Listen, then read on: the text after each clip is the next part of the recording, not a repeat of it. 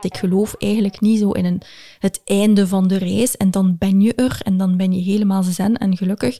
Daar geloof ik eigenlijk niet zo erg in. Ik denk dat er altijd opnieuw zaken op je pad kunnen komen die ja, die triggerend kunnen zijn of die je toch wat doen wankelen. En ik heb dus ook weer even gewankeld, heel recent nog, maar ben heel, heel, heel blij dat ik toch niet terug in die visieuze cirkel ben beland. En dat geeft dan ook wel een sterk gevoel. Hallo allemaal, mijn naam is Caroline Olaert en ik ben de vrouw achter de kookblog Carola's Kitchen. Online terug te vinden op www.carolaskitchen.be. Ook via mijn Instagram kanaal en ondertussen drie boeken deel ik heel veel tips en tricks met jullie. En dat wil ik nu ook doen via deze podcast. Haalbare tips en tricks om voedzamer, ecologischer, evenwichtiger en vooral lekkerder te koken en te eten. Ik wens jullie heel veel luisterplezier. Welkom bij de Carola's Kitchen podcast en de eerste aflevering om precies te zijn.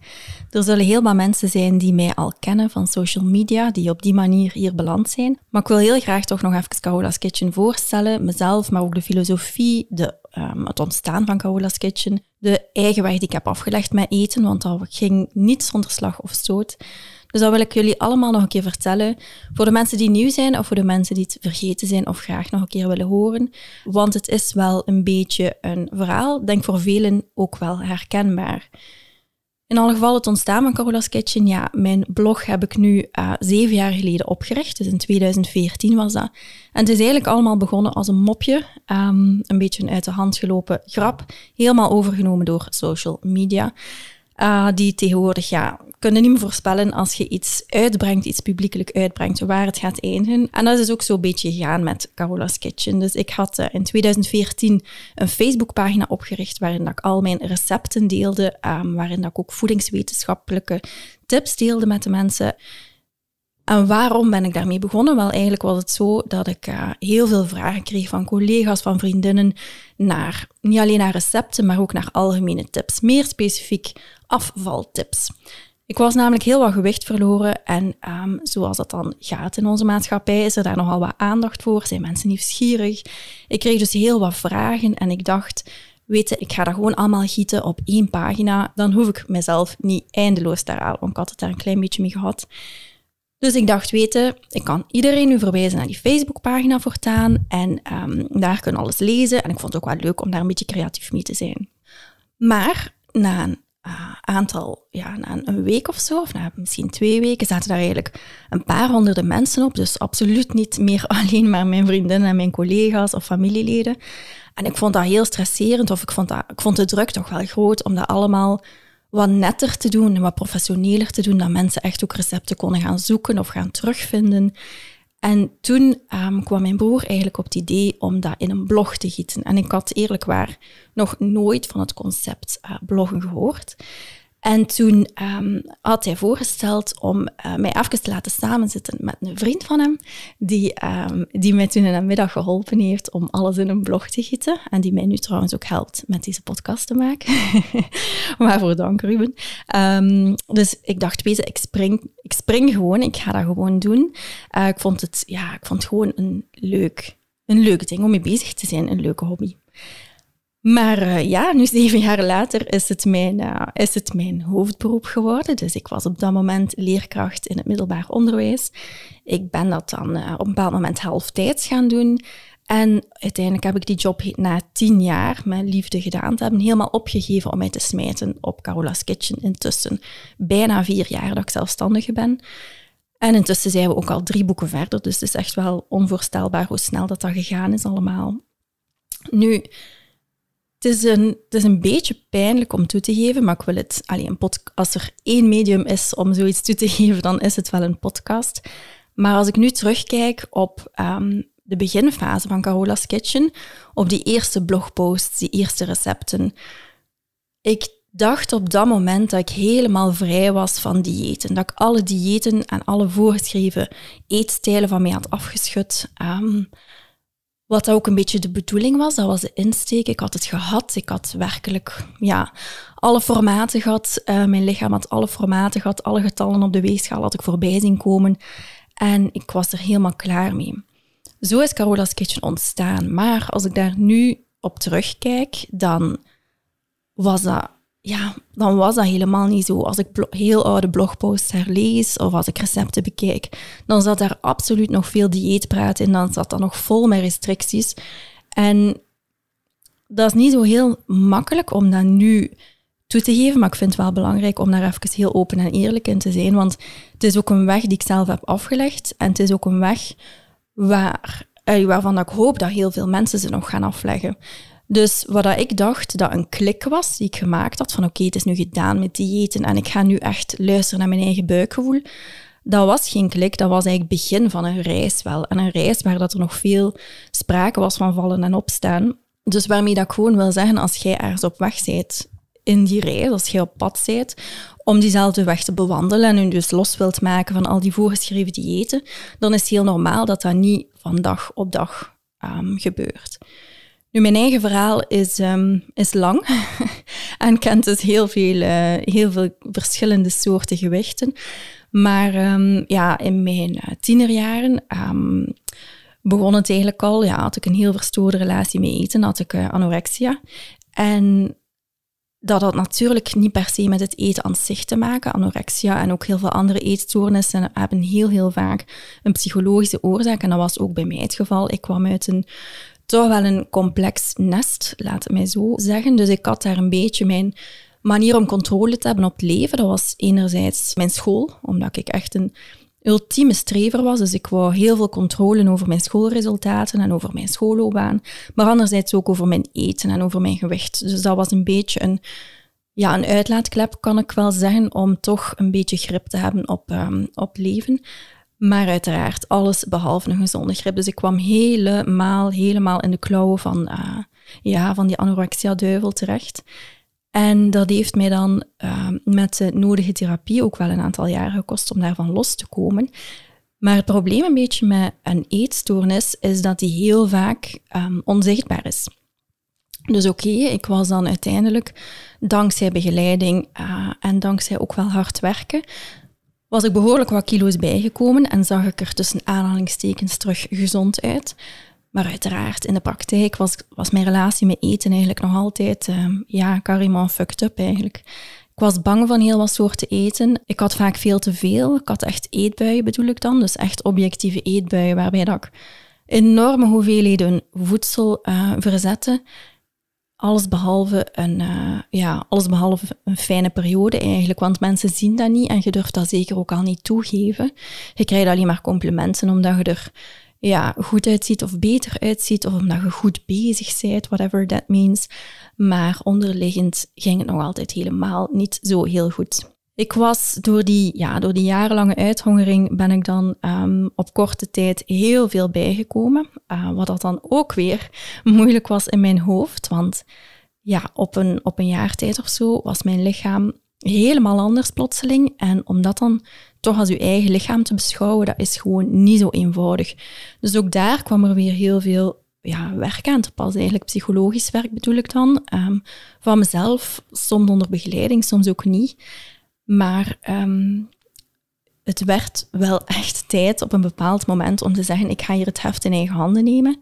Ik ga stoppen met dan, want ja, toen ik overgewicht had, begon ik, mij, begon ik mijn toevlucht te zoeken in allerlei dieetboeken, um, dieettips, van de, van de meest softe tot de meest extreme.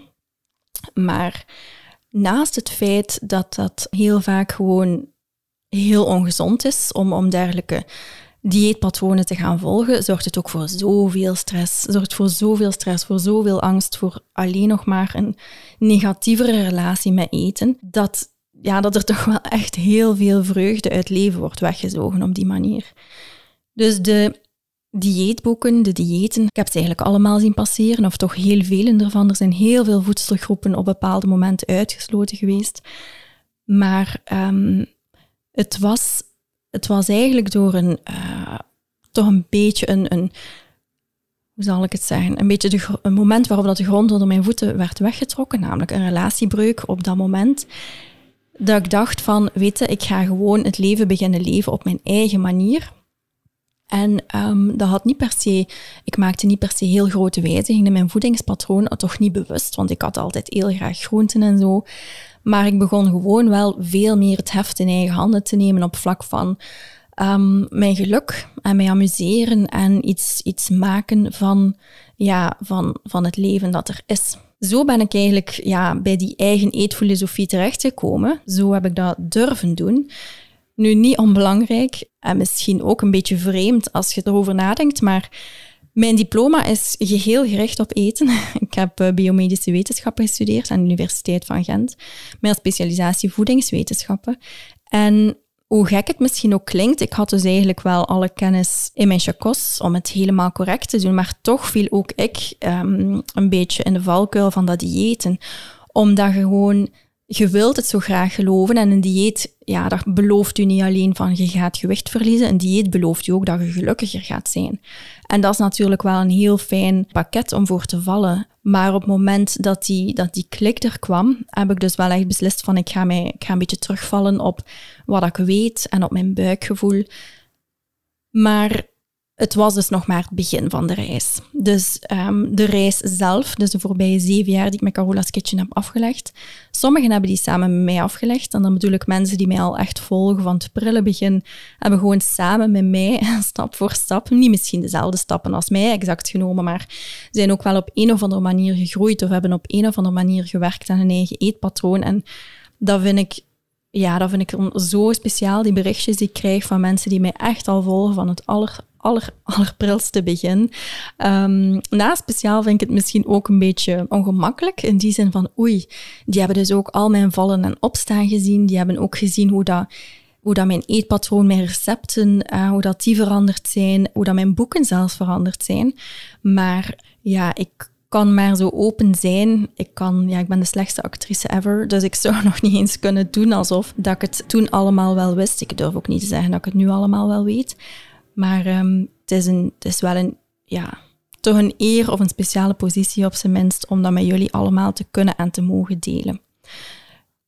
Toen dat ik zelf nog in het midden van al die diëten zat, nog een ander belangrijk aspect dat erbij kwam kijken, um, naast die stress, hè, die voortdurende eetstress over wat wel eten, wat niet eten, hoeveel eten, wanneer eten, wat als je op plekken terechtkomt waar je het niet onder controle hebt, hoe gaat het daar dan mee om? Ja, dan was er nog een ander belangrijk iets dat erbij kwam kijken en dat waren eetbuien.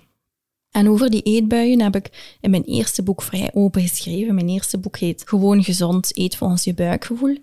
En toen had ik nog best wel nog wel last van regelmatige eetbuien. Nu weet ik dat dat komt omdat, het, omdat ik toen nog niet 100% verlost was van die dieetcultuur.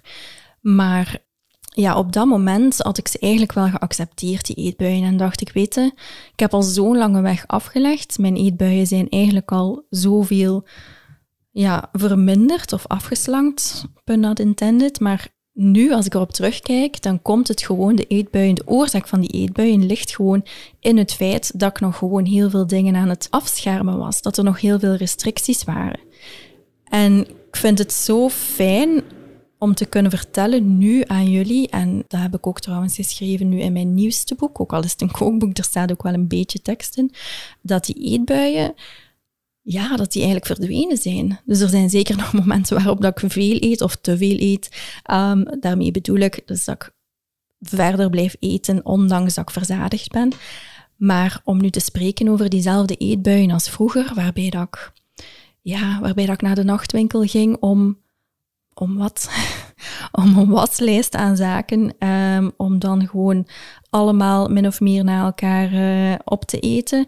Dat is gewoon niet meer zo. En ik had nooit kunnen denken dat ik, dat ik in deze positie terecht zou komen. Ik had me er min of meer bij neergelegd dat dat soort toch wel verstoord gedrag of verstoorde relatie met eten, dat dat gewoon mijn nieuwe realiteit was of een realiteit was voor mij, die ik erbij moest nemen.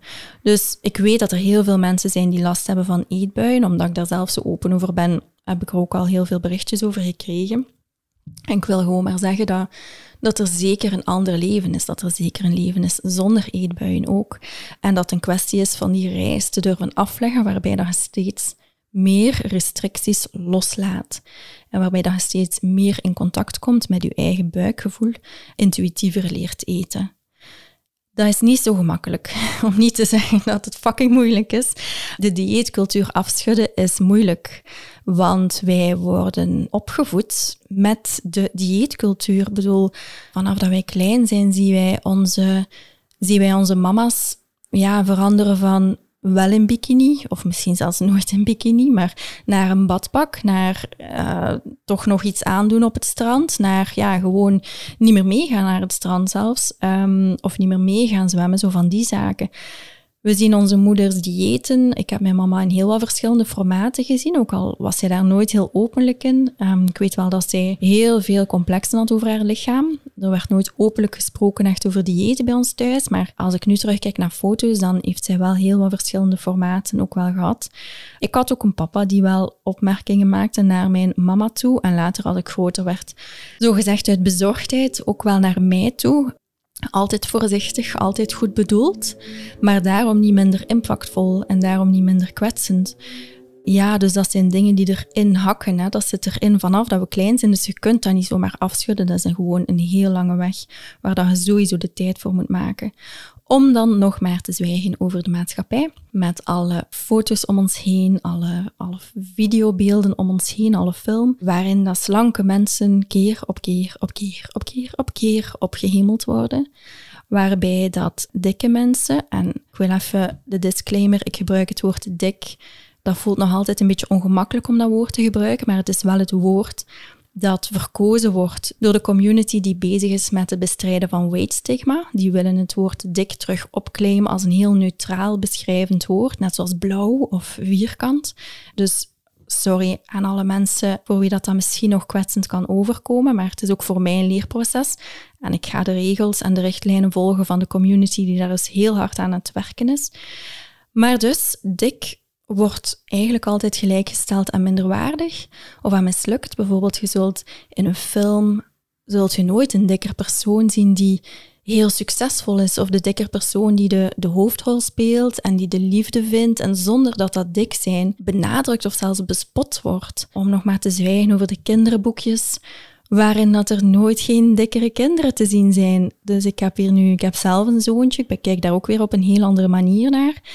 En we hebben um, wel boekjes over diversiteit en je ziet verschillende huidskleuren en dergelijke voorbij komen, maar daar stopt het wel min of meer met de diversiteit. Ik heb nog geen enkel boekje in handen gehad en wij gaan heel vaak naar de bibliotheek, waarbij er heel gewoon ook dikkere kindjes aanwezig zijn. Dus het beeld dat wij meekrijgen over dik en mager, of over dik en slank, of dikker en slanker, is heel zwart-wit, is heel fout ook, is heel bepalend voor hoe dat we zelf, of hoe dat we naar onszelf kijken als we opgroeien en als we ouder worden. En hoe dat we in het leven staan ook. Ons geluk hangt vaak af van het formaat van ons lichaam. En als je daar even over nadenkt, is dat gewoon niet alleen zeer stressvol en zeer triestig, maar gewoon ook echt doodzonde dat we daar zoveel van laten afhangen. Dus ik vind dat het hoog tijd wordt om um, ja, om dat heft terug in eigen handen te nemen en om daar tegen te strijden. En natuurlijk ook om te werken aan een gezond eetpatroon. Hè. Begrijp me niet verkeerd, heel Carola's Kitchen draait daar rond. Maar het is ook wel echt mijn missie om mensen te laten inzien dat gezond, dat dat niet per se gelijk staat aan slank. Of werken aan uw gezondheid wil niet per se zeggen werken aan uw gewicht. Ik vind dat die twee oh, allee, echt dringend, dringend losgekoppeld moeten worden van elkaar. Maar een andere missie is zeker ook om iedereen althans zoveel mogelijk mensen, ervan te overtuigen om geen stress meer te hebben rond eten. En ervan overtuiging bedoel om, om dat te oefenen, om dat samen met mensen te oefenen en om samen op weg te gaan, om stressvrij te eten, om terug vriendschap te sluiten met eten, in plaats van voeding te zien als vijand soms, of toch bepaalde producten, bepaalde voedingsproducten te zien als vijand, want dat zijn ze niet. Eten is een bron van plezier en um, of dat zou toch moeten zijn, dat zou toch kunnen zijn. Voor mij is het op dit moment althans een bron van plezier, maar ik weet ook heel goed hoe het voelt om eten vooral te zien als een bron van stress en een bron van angst. Ja, dat is heel lang, heel lang mijn realiteit geweest. Met Carola's Kitchen ga ik dus enerzijds die, die strijd aan tegen de dieetcultuur, tegen de dieetindustrie. Maar wil ik natuurlijk ook, en misschien wel vooral, lekkere, voedzame en heel toegankelijke recepten gaan aanbieden die wel degelijk bevorderlijk zijn voor de gezondheid. Dus mijn recepten zijn allemaal opgebouwd ja, op, een, op een manier die um, heel erg ondersteund wordt door onze nieuwe omgekeerde voedingsdriehoek. Alleen nieuw, is ondertussen al drie jaar oud, dus ik mag niet meer zeggen nieuw. Maar um, mijn recepten zijn dus overeenkomstig met de voedingsdriehoek en zijn dus echt ja, dingetjes, dagdagelijkse dingen die we op weg kunnen helpen naar een betere gezondheid. En daarmee denk ik dat ik met Carola's Kitchen toch iets anders aanbied dan de vele anderen.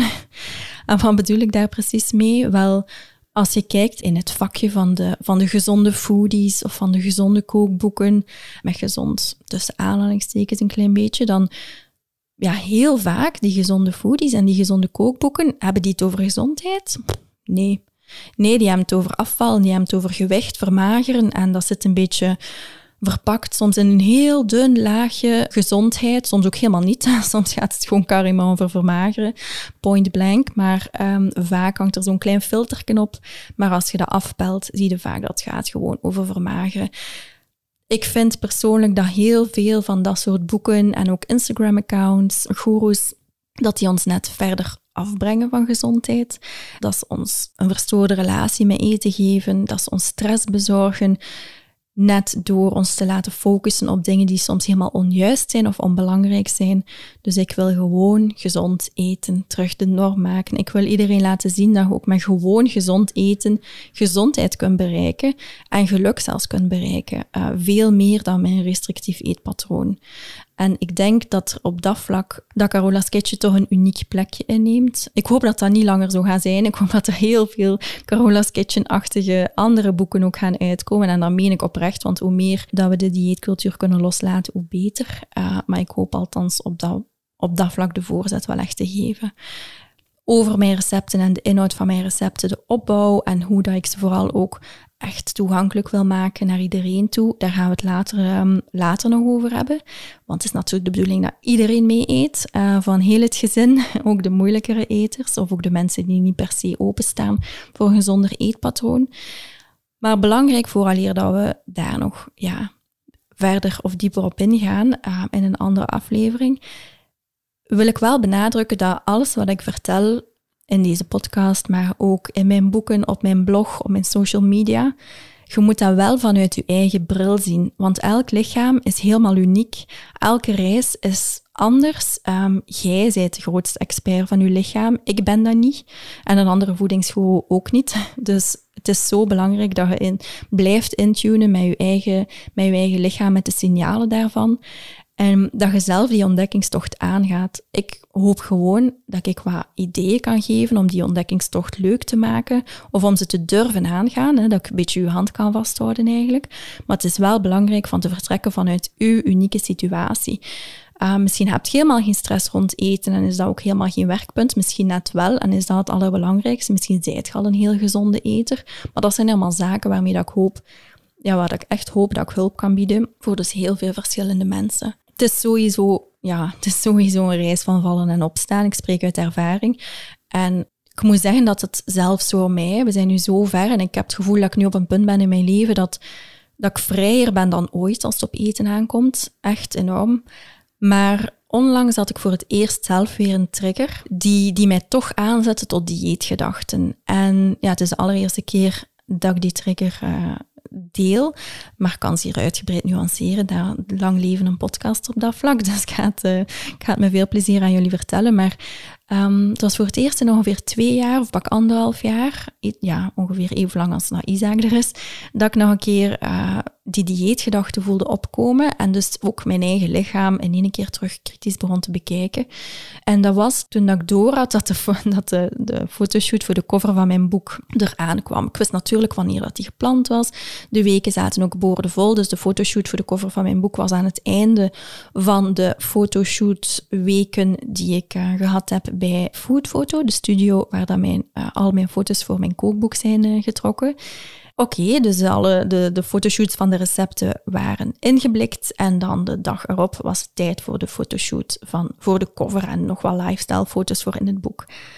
En um, niet de dag daarna, sorry, de week daarna. Dus er zat daar een weekje tussen.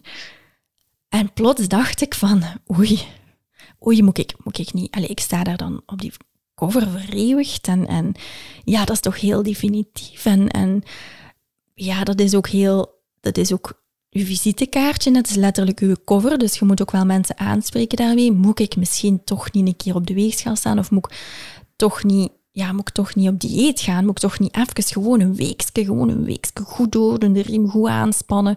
En ik betrapte mezelf op die gedachten en die gedachte bleef zo'n klein beetje hangen. Dus ik had wel zoiets van, wow, dat is, dat is heftig dat ik dat nu terugdenk, dat ik dat voel. En ik besefte ook van, amai, ik heb dat in anderhalf jaar tijd, heb ik niet meer zo op die manier over eten gedacht. Van de riem aanhalen en al van dat soort toestanden.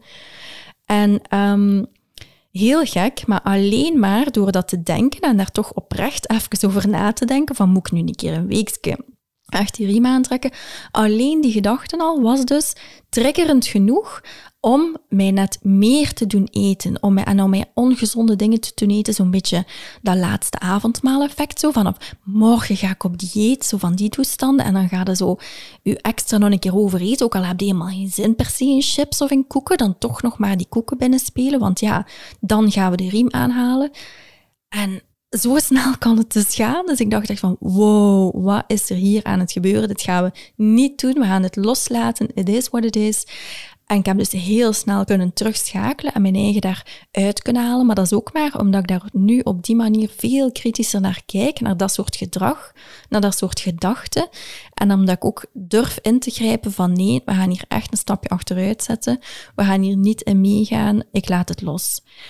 En het is eigenlijk die mindset of die houding of die tools die ik hoop ook heel erg door te geven met Carola's Kitchen. Want ik geloof eigenlijk niet zo in een, het einde van de reis en dan ben je er en dan ben je helemaal zen en gelukkig. Daar geloof ik eigenlijk niet zo erg in. Ik denk dat er altijd opnieuw zaken op je pad kunnen komen die ja, die triggerend kunnen zijn of die je toch wat doen wankelen. En ik heb dus ook weer even gewankeld, heel recent nog, maar ben heel, heel, heel blij dat ik toch niet terug in die visieuze cirkel ben beland. En dat geeft dan ook wel een sterk gevoel. Dus ik hoop heel erg dat Carola's Kitchen op die manier, dus om een betere relatie met eten te gaan ontwikkelen, of al is het maar om gewoon super lekkere, inspirerende, voornamelijk plantaardige gerechten, uh, daar inspiratie voor op te doen. Alles maar dat. Maar ik hoop toch dat op die manier Cowler's Kitchen een positieve noot kan zijn voor heel veel mensen. Maar daar gaan we nog veel over babbelen in de komende afleveringen ook. Sowieso heel erg bedankt om te luisteren allemaal. En super graag tot een volgende keer. Doei!